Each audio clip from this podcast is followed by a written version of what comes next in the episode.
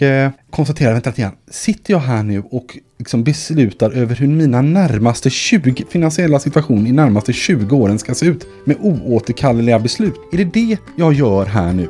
Är det rimligt att jag ska liksom behöva göra det? Och blev stressad. Tänk om du skulle behöva bestämma dig för vilka jobb du ska ha de närmsta 20 åren. Ja. Det, det är ju inte rimligt. Bara, okej. Valen man gör inför pensioneringen spelar stor roll för ekonomin under resten av livet. Men systemen är krångliga och individen har ofta svårt att göra medvetna val. För fem år sedan så gjorde Riksrevisionen en granskning som pekade på att staten inte hade tagit ett tillräckligt stort ansvar för att ge individen rätt möjligheter att gå i pension tryggt och enkelt. Genom sitt engagemang i Min pension tyckte ändå Riksrevisionen att staten hade tagit ansvar för att ge individen koll på sitt pensionsintjänande under arbetslivet. Men inför pensioneringens alla val ansåg man att individen lämnades åt sitt öde och att regeringen borde ha tagit ett större ansvar. Till dagens avsnitt har vi bjudit in Erik Färm och han är analytiker på Pensionsmyndigheten. 2014 då jobbade Erik på Riksrevisionen och var en av de som var med och granskade.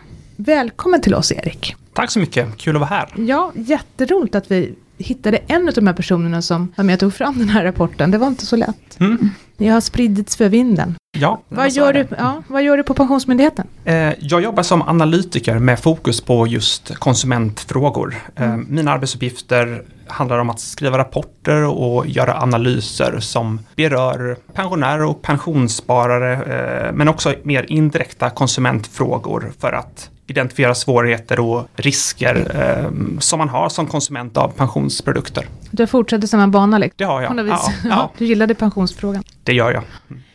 Med i dagens avsnitt har vi också min pensions utvecklingschef Patrik Malmqvist. Du har varit med i någon podd tidigare.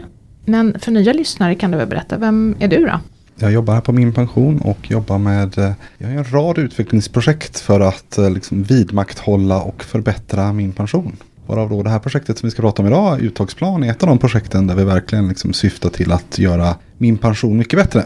Verkligen. Och det är lättare för individen att gå i pension förhoppningsvis också då. då. Det Ja. som faktiskt den här rapporten tog sikte på. Du ska snart få berätta ännu mer om det här projektet Patrik. Men jag skulle först vilja vända mig till dig Erik. Varför granskade Riksrevisionen individens möjlighet att gå i pension? Vad var det som ledde in er på det där spåret? Vad var det ni såg? Ja, men vi såg ju att vi har ett system där det finns en stor valfrihet. Men att med det så kommer det också ett stort ansvar som landar på individen. Och det fanns flera andra studier som visade att många inte till exempel förstår skillnaden mellan en fondförsäkring eller en traditionell försäkring. Vi hade sett en ökad trend av eh, tidsbestämda uttag av tjänstepensionen. Så det fanns flera faktorer som, som tydde på att eh, här finns någonting som vi kan bidra med och vi kan titta på hur ser valsituationen ut? För vi, vi tyckte att det saknades den här helhetsbilden av hur alla valen vid pensionsinträdet ser ut. Till exempel eh, dels vilken pensionsålder man ska välja. Ska man ha skydd till efterlevande eller inte? Vilken risk vill man ha i det fortsatta sparandet och så vidare. Och vi hade också en- av kollegorna i eh, projektgruppen som faktiskt stod inför pensionsinträdet och själv upplevde de här svårigheterna vid den här granskningen. Hade ni något drömscenario när ni gjorde den här granskningen? Vad, vad ville ni? Hur såg drömbilden ut? Vad skulle hända efter rapporten var släppt? Drömscenariot, eh, det var att, att det skulle bli en sammanhållen ansökningsprocess. Eh, lite liknande prognostjänsten som, som fanns då på, här på min pension. Mm. Vi önskade att man skulle kunna få den här helhetsbilden även som pensionsplanerare och att man på en och sammanhållen tjänst kunde fatta egentligen alla sina pensionsbeslut vid, vid inträdet. Sen önskade vi också att eh, tjänstepensionen inte skulle utbetalas automatiskt utan att det skulle vara mer likt det allmänna systemet, att man aktivt skulle välja. Vi önskade också att eh, tjänstepensionerna skulle få en mer flexibilitet, till exempel att man skulle kunna pausa eh, och ändra i tjänstepensionsutbetalningarna även efter att utbetalningarna påbörjats. Lite mer likt den allmänna pensionen i många drag låter det som. Ja, Ja. det var väl bilden vi hade framför oss som vi Ja. hoppades på. Men ni var ju rätt kritiska då till att regeringen inte tog sitt ansvar i de här frågorna. Men då kan jag ju samtidigt tycka, det gör ju inte regeringen när vi kommer in på arbetsmarknaden heller i så fall. Alltså, ska inte individen ha något ansvar själv här? Jo, jo men så är det ju och det är väl en svårighet där och det, det inser man ju att eh, det är många olika inblandade i pensionssystemet. Vi har dels staten, vi har arbetsmarknadens parter, Vi har tjänstepensionsbolagen och bankerna med flera. Så vi insåg väl någonstans att det är inte ett lätt område och det kommer ta tid. Men vi tyckte trots det att man behöver ändå försöka och ta ett större helhetsansvar för att hjälpa individen. Men vad vill ni egentligen att regeringen skulle göra? Vad, liksom, vad, vad, vad var regeringens roll i det här? Men dels var det väl lite det som de gjorde, att initiera den här sammanhållna ansökningsprocessen. Ja, starta upp uttagsplan egentligen. Och förutom det så, så tyckte vi att de borde se över inkomstskattelagen. Eh, för tjänstepensionsbolagen själva hade framfört att just inkomstskattelagen var en stor anledning till varför de inte kunde ändra i sina utbetalningar och så vidare. Och ytterligare ett råd som vi lämnade till regeringen var att åtminstone då lite försiktigt på byråkratspråket att de skulle överväga att eh, begränsa möjligheten till temporära uttag. För vi såg att det finns en stor risk i det här också. Att individer väljer kortare uttagstid än vad de egentligen borde göra. Eller vill göra. Eller vill göra. Mm. Eh, men eh, om man nu sammanfattar det här, nu har det ändå gått fem år. Eh, vad, vad har hänt så att säga? har, har ni fått som ni har velat? Vi har väl sett starten på det i alla fall. Jag tycker att det, det, viktigaste var ju att Pensionsmyndigheten fick uppdraget att arbeta för att ge blivande pensionärer en samlad och tydlig bild över sina val. Ja, eftersom min pension redan var inarbetad eh, med den här digitala tjänsten som hade individens pensioner så kändes det som en, en lämplig väg att bygga ett nytt verktyg här på min pension efter den förstudien som gjordes. Så det är på rull. Och det här med lagstift lagstiftningen och sånt, det kanske också kommer? Eh, ja, men det är väl också på rull. Det, det, finns ju en proposition till riksdagen nu som till viss del handlar just om det. Att kunna faktiskt stoppa och flytta en, en pågående tjänstepensionsutbetalning. Mm. Ehm, Vad bra. Så att det har tagit några år, men mm. det är på gång. Och den tredje frågan, det här med, med alltså temporära kortare uttag. Ser man någon förändring där? Nej, det har vi väl inte sett. Nej. Eh, och där har man väl lämnat det kanske till arbetsmarknadens parter och mm. tjänstebolagen själva att försöka hantera den frågan mm. istället. Ja, Patrik, vad har hänt? Har, har vi några verktyg på gång? Som på ska gång. ta och hjälpa människor att gå tryggt och säkert i pension? Ja, nej, men i samband med att den här rapporten kom ut så höll ju min pension med att titta på vad borde min pension vara i framtiden helt enkelt? Och hur ska vi skapa så mycket engagemang som möjligt för användaren? Och insåg ganska snabbt att det andra verktyget jag har för som är pensionssimulatorn kanske syftar till att lösa många saker för många olika målgrupper. Det skulle både vara väldigt enkelt, så enkelt att man vill veta mer på 60 sekunder, samtidigt som det skulle stödja folk att kunna ta livsavgörande beslut om 20 års finansiella situation i framtiden. Och där insåg vi väl att vi behövde liksom splittra det här i flera verktyg. Göra något som är förenklat, så enkelt att man vill veta mer. Men det är en väldigt förenklad bild.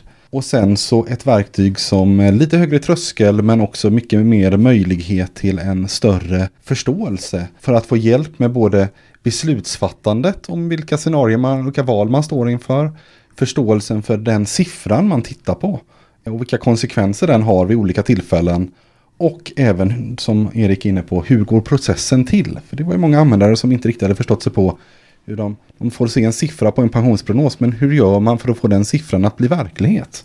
Det var inte helt uppenbart. Så det var väl det vi började med i ett arbete att göra ett verktyg för det helt enkelt. Och vad heter verktyget? Har du någon namn?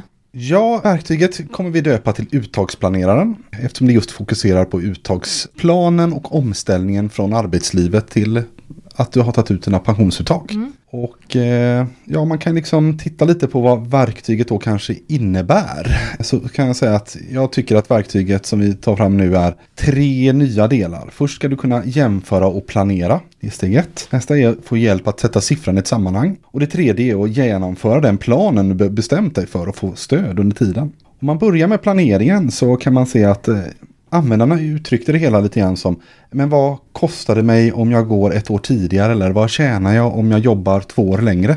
Och så ville de jämföra det helt enkelt. Utan det var inte bara det att man ville ha en pensionsprognos utan man skulle vilja se deltat mellan två olika pensionsprognoser så man kunde ta ett beslut. Sen kom det ganska mycket upp fokus på men hur blir det egentligen här efter skatt och hjälpa dem att sätta siffran i ett sammanhang helt enkelt. Att skattesatserna är olika vid olika tillfällen. Om du dessutom jobbar lite grann och får lite intjänande samtidigt som du tar ut pensioner, hur ska du se på din totala inkomst? Så du behöver hjälp att planera och jämföra. Eh, nästa sätt är ju det här att sätta det i ett sammanhang som vi varit inne på med man ska kunna se skatt. Men du ska också kunna förstå det på att här finns det andra aspekter du borde tänka på. Vi hade en användare som summerade det hela som, nej men det jag skulle vilja göra det är att jag tar den här prognosen som jag bestämt mig för och så lämnar jag den till er som är experter och så säger ni till mig vilka frågor borde jag ställa på. Och då dök det saker upp som det här med efterlevandeskydd. Oj, det är inte en tanke jag har tänkt på själv. Och hur borde jag kontrollera det? Jaha, säg att jag ska ändra den. Ja, men tänk på att du kanske då måste göra en hälsodeklaration och det är inte bara att göra. Utan man sätter siffran i ett sammanhang att det betyder olika saker och leder till andra grejer. Och det kan också vara, får jag börja ta ut den här pensionen och får jag fortsätta jobba då eller inte? Och det är liksom ett regelverk runt alla de här siffrorna som de också behöver kunna förstå sig på om det ska vara tryggt och enkelt att planera och ta ut sin pension. Kommer det här nya verktyget hjälpa till med det då? Kommer det ställa de rätta frågorna? Ja, det har väl kanske inte varit det vi har orkat att driva i fas 1 av betan helt enkelt. Det kommer komma några av de här sakerna, men vi har mycket kvar som vi identifierat att vi vill göra och vill jobba vidare med de närmsta åren. Innan Så vi det- går vidare bara, har det här verktyget lanserats Sanne? Nej, det har inte Vi lanserats. pratar, nu är vi i juni 2019, det har inte lanserats. Nej. Nej, utan du pratar om en betaversion. Ja, när lanserar vi det hela? Eh, Ja. Vår tanke är att lansera det här under hösten. Vi har fortfarande ett gäng sprintar kvar och mycket funktioner som måste komma in och vi väntar på massa partner med på försäkringsbolagen som måste få gjort sina grejer också. Så vår förhoppning är ju att eh, ja, egentligen slutet på Q3, början på Q4, att, eh, att betan finns ute för allmän beskådan. Men det är också en beta. En eh, första version som visar en riktning vart vi är på väg. Inte en slutgiltig version. Utan nu har vi byggt en plattform som vi ska växa ifrån och jobba vidare mot. Men om man vill gå in och titta då, krävs det något speciellt? Då kan jag som vanlig individ gå in och titta då någon gång i höst. Ja, när du i, eh, när den är släppt så kommer man, vem som helst, när man har loggat in på min pension, gå in på uttagsplaneraren. Vem som helst var lite dumt sagt. Det tänkte jag säga det. Eh, det måste ju vara de som ligger i, i scenariet att, att snart gå i pension. Vi har sagt att den är öppen ett år före du kan ta ut din första pension. Så i teorin då för många som har IPSer från 54 år då.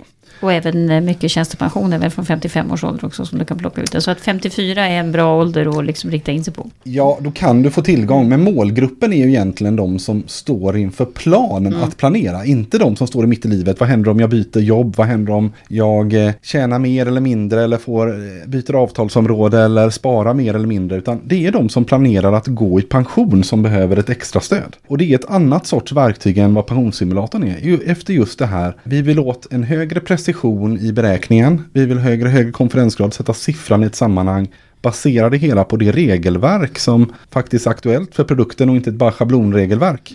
Och då måste man vara lite närmare och ha mindre variation kvar tills tiden för att det där ska bli mer precis helt enkelt. Och sen får man ju en efterfrågad eh, extra tilläggstjänst och det är ju det här med skatter. Alltså man får veta vad det är efter skatt och det är klart att det är ju svårt att säga för, till 40-åringar vad de ska ha för skatt om 20 år på sin pension. Men är man i härandet att man har några år kvar då är faktiskt skattefrågan ganska intressant. Ja.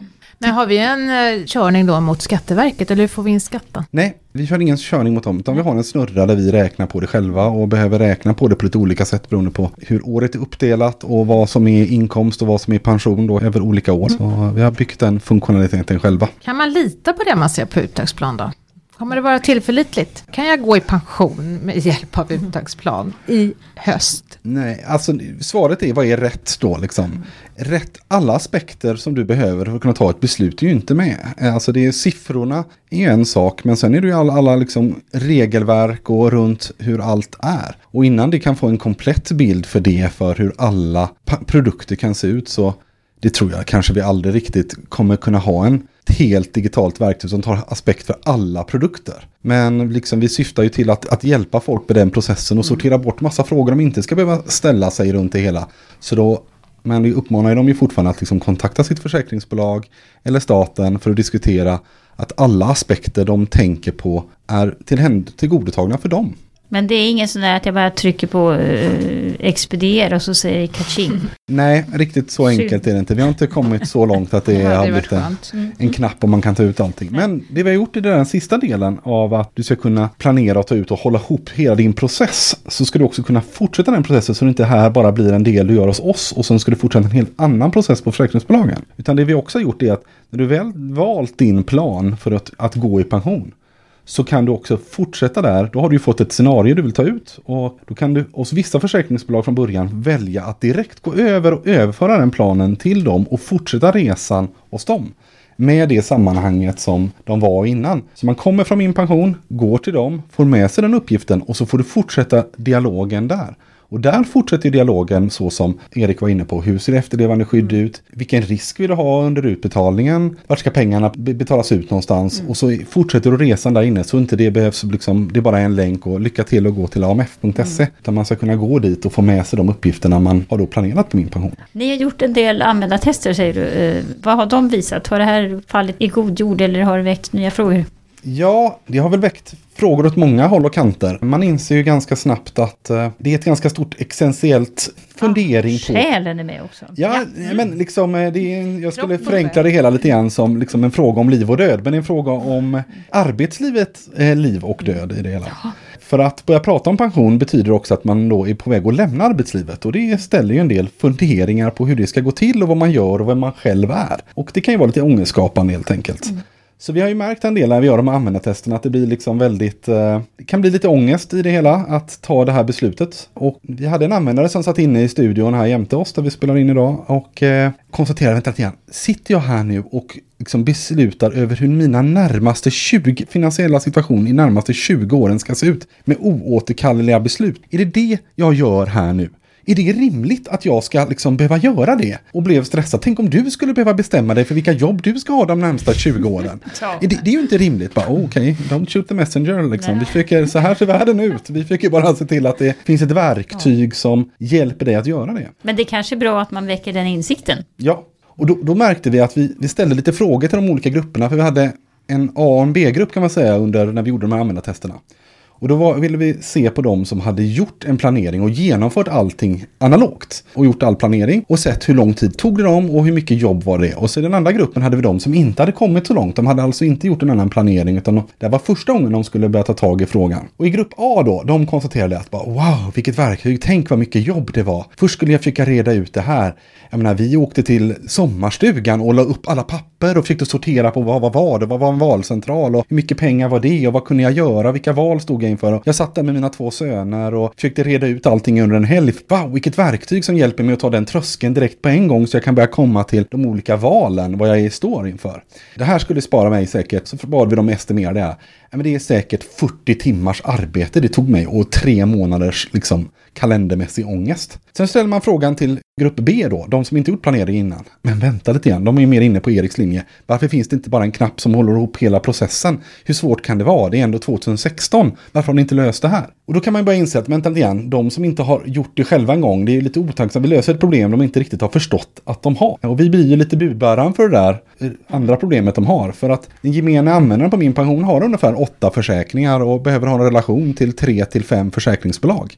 Det är många ställen de ska kontakta och hantera. Och de har inte riktigt förstått att liksom det är en dialog där de pratar med dem och de försvarar sig tillbaka och ger lite olika råd. Och det är inte helt uppenbart hur de ska bete sig. Så målet här är ju inte bara det att hjälpa dem i processen utan kanske utbilda dem lite mer så de kan hålla den här dialogen mot de här bolagen på den kompassen de vill som är lite mer välutbildade innan de har dialogen. Men de behöver fortfarande ha dialogen med sina försäkringsbolag och, och staten för att göra sina uttag på ett medvetet sätt. Mm.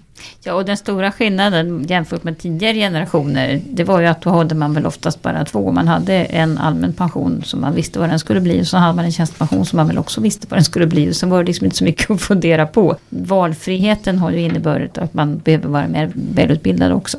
Så är det. Du pratade förut om efterlevande skydd, att man kunde se det hos sina bolag då när man tog sig från den här uttagsplaneraren över till sitt bolag. Men vi har väl pratat om att vi gärna vill ha in det även i den här uttagsplanerartjänsten.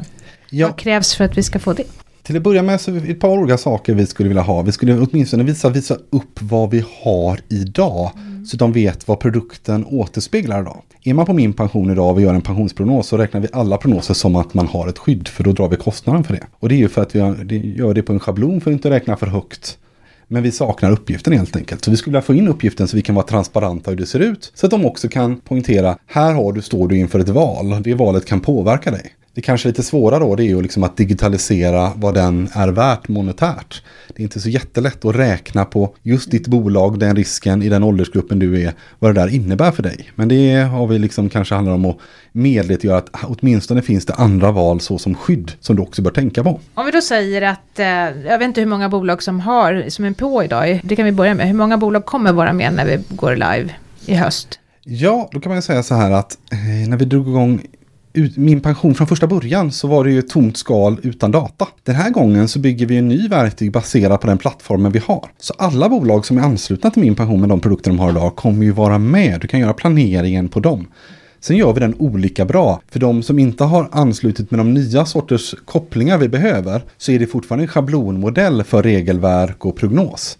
Medan några bolag kommer ha ett, en ny koppling där vi får deras produktregelverk och att de räknar på den riktiga prognosen så du får samma siffra hos dem som hos oss. För innan har vi räknat mycket schabloner. Hur vi, vi vet ju inte precis allt om deras produkt. Så då är det ett par bolag som är med och jobbar för att få det nya regelverket och den nya prognosen. Och då kan man säga att livekoppling på prognos från början är ju Pensionsmyndigheten och AMF. Och sen så har vi även SPP och Swedbank som håller på och jobbar på det för tillfället. Jag hoppas att de är där när vi väl lanserar. Så fyra bolag då? då? Ja, vi hoppas att vi, när vi betan blir live, att fyra är med helt enkelt. Om vi då säger att de övriga dryga 26 då ställer sig på kö och också vill börja leverera enligt den här nya standarden. Hur reagerar min pension då? Klarar vi av det? Ja, nej men eh, vi tror inte att alla kommer här på en månad och kan göra det här. De ska ju utveckla massa saker i sina IT-system för att stödja detta. Vi ser att eh, bara hos AMF så har ju det varit en resa på ungefär 12 månader att få till det här. Så jag tror ju att de närmsta åren kommer vi ansluta bolagen successivt. Och för ett litet bolag så kanske det inte heller är värt och riktigt den ökade nyttan som det är att bygga alla den här funktionaliteten. Utan då kanske schablonmodellen vi har från början är good enough. Erik, Mm. När du hör det här nu då som Patrik berättar om, känns det okej? Okay? Blev det som du tänkte dig? Ja, men det gör det. Jag får väl säga att vi, eller åtminstone jag, jag upplever att vi fick ett större genomslag med, med rapporten och våra rekommendationer än vad vi hade förväntat oss. Och att det här arbetet med uttagsplaneringen satte igång nästan direkt. Det var ingenting som jag hade räknat med, så att ja, det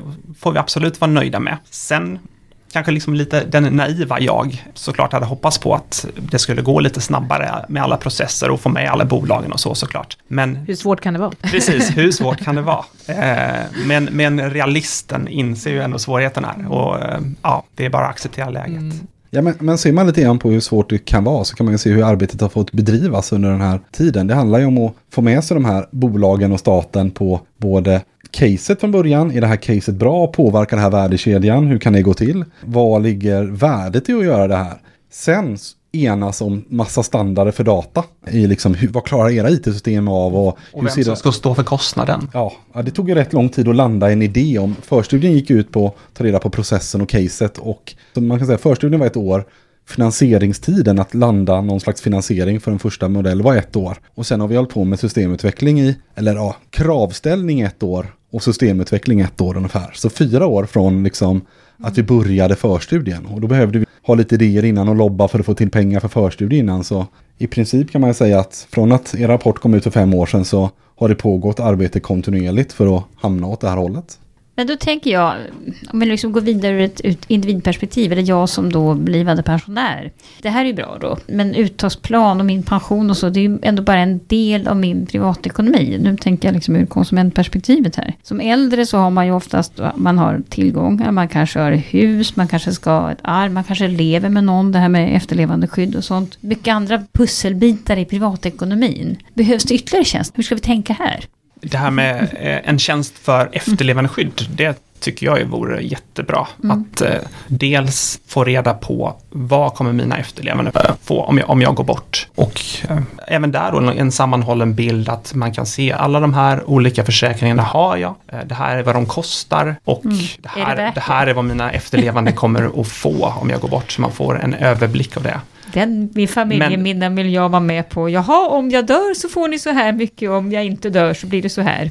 men det blir Ja, bra. Men åt- så att man åtminstone kan få en Jo, det kan ju lugna någon, någon schablon, schablonbild på ett ungefär så Ja. man vet vad man kan, eh, hur kommer de efterlevande klara sig? Det som saknas egentligen i uttagsplan kan jag tycka, men, men som man väl får lägga till där, apropå det här med efterlevande och sånt. Vi får ju börja få fler förfrågor om, om just eh, äldreförsörjningsstöd, bostadstillägg och andra typer av stöd som ju egentligen faktiskt inte finns med på det här sättet i, i, i uttagsplan. Är det en brist? Eller är det någonting man får liksom ta? Det kanske är något man får ta ändå. Alltså ja, i de bästa världar så vore det önskvärt att ha med det också. Det är ju Mm. ändå i helheten. Men det kräver ju också kunskap om familjesituationen Ja. i övrigt, Ja. vilken bostadskostnad man har, vilken förmögenhet man har. Det är väldigt mycket uppgifter som ska samlas in som inte finns i dagsläget. Det jag egentligen försöker säga är att uttagsplan, bra, men förmodligen behöver man lite annat också för att känna sig liksom nöjd och trygg med sin, vad var det du sa, 20 års sammanhållen ekonomi. Ja men vi tittar ju på en del av inkomsterna. Vi tittar ju inte på någonting av utgifterna. Så men, ska du göra en total analys så behöver du liksom se båda sidorna. Vad är ditt behov? Och vad är hela din, din inkomstsituation? Och vad är du berättigad till? Så det är ju många saker man ska göra. Och där kan man väl se också att om man ska klaga lite på uttagsplan, vad vi levererar just nu, så kan man se att vi, vi går mot en värld där vi har, den är inte så svart och vit i planeringssyfte. Ena dagen är du inte 100% arbetsförd och nästa dag är det 100% uttag av alla dina pensioner. Utan vi går mot en värld som är mer en omställning där du kanske jobbar lite mindre och börjar ta ut en eller två pensioner i olika omgångar. Det gör också att det blir en mer fragmenterad värld och en svårare värld att hantera och vilka regler har du då rätt till och hur ser det hela ut? Så där finns ju en en till komplexitet som vi inte har orkat att hantera den omställningen. Då skulle man behöva se pension under utbetalning under den här perioden för att fortfarande se en helhet. Eh, du skulle kunna se, jag har inte gjort dem, aktiverat de här valen ännu. Och jag vill inte att de här ska börja betalas ut. Då måste jag också höra av mig till dem och säga att de inte ska börja utbetalas. Så det är ju även det som är att göra-listan. Då får du veta på den här listan som du har kommit fram till i ditt scenario att för att, in, för att få det här ske så måste du också kontakta de här bolagen för att säga att du inte ska ha saker utbetalt. Men, men hur blir det sen då? Alltså om vi tänker oss en fortsättning, att jag verkligen går in i det här pensionärslivet. Och, eh, ganska mycket pension numera ju, kan ju vara kopplat till börsen, det kan ju liksom hända saker, värdeutveckling hit och dit. Hur ska jag kunna ta ställning? Då kanske jag vill ändra på någon pension liksom efter fem år och säga att till exempel den allmänna pensionen, men nu har jag så mycket tjänstepension, det har gått så bra så nu, nu väntar jag. Alltså, finns det verktyg för det här? När jag väl är pensionär? Du kan ju använda uttagsplan att i alla fall laborera på de sakerna du inte tagit beslut på ännu och även ändra på allmänpensionen då. Så du kan ju gå in och göra en ny simulering och se vad händer om jag skulle börja jobba deltid eller inte ta ut full pension från allmänpensionssystemet igen. Så det finns ju liksom komponenter i vårt system som kan bidra till att du kan ta nya beslut, Nya beslut, ja. helt enkelt. Ja, under livets gång. Så att jag behöver inte göra den där 20-årskalkylen egentligen. Jag har lite respit. Nej, men det viktiga är väl det här att tänka att några av de här besluten är ju oåterkalleliga. Jo, jo, visst. Så man vet Ja. vilka beslut som faktiskt är det och vilka du faktiskt har möjlighet att kunna ändra det igen på. Ja. Om nu inte vi får det här med att vi, eh, som du indikerade Erik, att kanske även tjänstepensionen kommer att gå att pausa. Ja. Då kommer vi ha oändliga möjligheter. Jag tänker, Precis. flaggar vi för det här i uttagsplanen? Förstår jag när jag använder uttagsplanen att den här försäkringen kommer jag inte kunna ändra när jag påbörjat uttaget? Där kan vi nog bli klart bättre. Ja, Okej. Fast vi har nog ganska tydliga signaler om det skulle jag säga. Ja. Mm. Men förstår är ju alltid en fråga. Ja. Det, det finns ju sätt du ser det. Men det är ju inte så att du eh, nödvändigtvis har en förståelse, ett medvetet beslut om allt folk har sett på vår sajt innan. Det har vi ju konstaterat. Men allting är ju bättre än det som vi idag. Alltså det måste vi verkligen sammanfatta. Precis Ja. som ni sa, det var jättesvårt eh, för fem år sedan och nu har vi ändå gjort det enklare. Verkligen.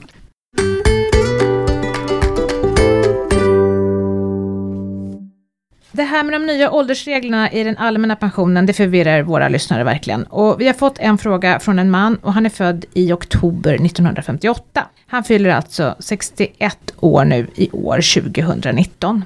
Om han väljer att ta ut sin pension från mars 2020, är det 62 år som gäller då? Eller alltså, får han plocka ut den när han är 61 och ett halvt år? Nu tänker jag raskt bolla över denna fråga till Erik från Pensionsmyndigheten. För jag tänkte det här är hans fråga. Ja. Han ändå sitter här.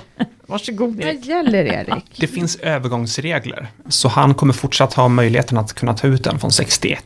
Så att även om han liksom passerar årsskiftet då och de här nya reglerna träder i kraft. Då. Ja, eftersom han hade Ja. möjligheten att ta ut den vid 61 års Ja. ålder så ska han inte liksom tvingas att ta ut Nej. den vid 61. Det blir inte som när Ja, eller då, Eller du eller då vid så. 61. Ja, utan då Mm. han kan han faktiskt vä- välja att göra det vid 61 och ett halvt istället. Det blir inte som när änkepensionerna avskaffades och alla stod i kö och gifte sig på nyårsafton för att klara av att gifta sig före 1990. Det där kommer jag ihåg Nej, faktiskt. ja, nu Ja, kan vi ha lite mer flexibelt. Ja. Nej, men, men tittar man på de här övergångsreglerna så jobbar vi ju även på min pension för att införa dem så att Just de i, i rätt kategori bara ska få rätt val. Så kan du När Det blir kommer det verklighet? Ja, eh, strax efter sommaren skulle jag vilja säga. Ja, bra. Eh, är vi, det är verkligen det vi Nu sysslar sommar med. alltså. Alltså, jag, ett samarbete med allt beror lite på. Det beror Ja. lite på vilka... Vi förbereder systemen för att klara av det här. Ja. Sen ska ju saker slås på. Men får ju inte glömma av att alla beslut är inte tagna. Men vi Nej. jobbar utifrån en, en, Ett scenario. ett scenario som Pensionsmyndigheten har liksom sagt så här är nog högst troligt att beslutet går till. Så vi, det jobbar vi ju på liksom spekulation helt enkelt. Men då undrar jag, för att nu har vi ju egentligen, alltså det som riksdagen fattar beslut om nu i höst är ju egentligen bara då att vi höjer åldersgränsen till 62. Eh, Så det kommer att synas i prognoserna framöver, att du kommer inte kunna ta ut din allmänna pension förrän du har fyllt 62. Ja, Men det kommer ju vara ytterligare höjningar, åtminstone indikeras att det kommer ytterligare höjningar.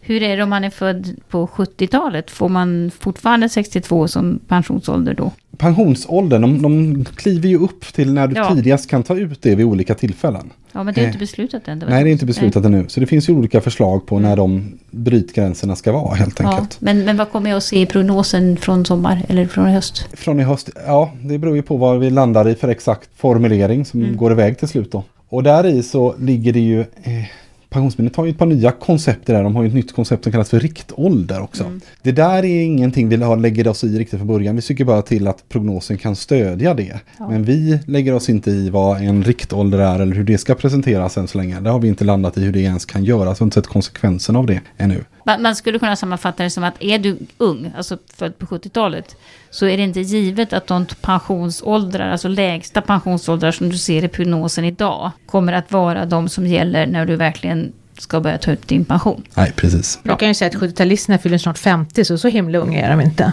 Allting är relativt Ja, i pensionsvärlden. Ja, nåväl. Mm. Tack för att du har lyssnat på min pensionspodden. Och idag har vi pratat om varför det är så krångligt att gå i pension och hur det ska bli enklare i framtiden. I podden deltog Erik Färm från Pensionsmyndigheten, Patrik Malmqvist som är utvecklingschef på Min Pension och så Kristina Kamp och så jag själv Maria Eklund. Och om du tycker att vår podd är bra så blir vi jätteglada om du gillar oss och hjälper oss att sprida den i sociala medier. Min Pensionspoddens avsnitt hittar du i Soundcloud, iTunes, Spotify och Acast. Och nya avsnitt släpper vi på jämna fredagar. Ta hand om dig och din pension så hörs vi snart igen. Ha det bra, hej hej! Hej då.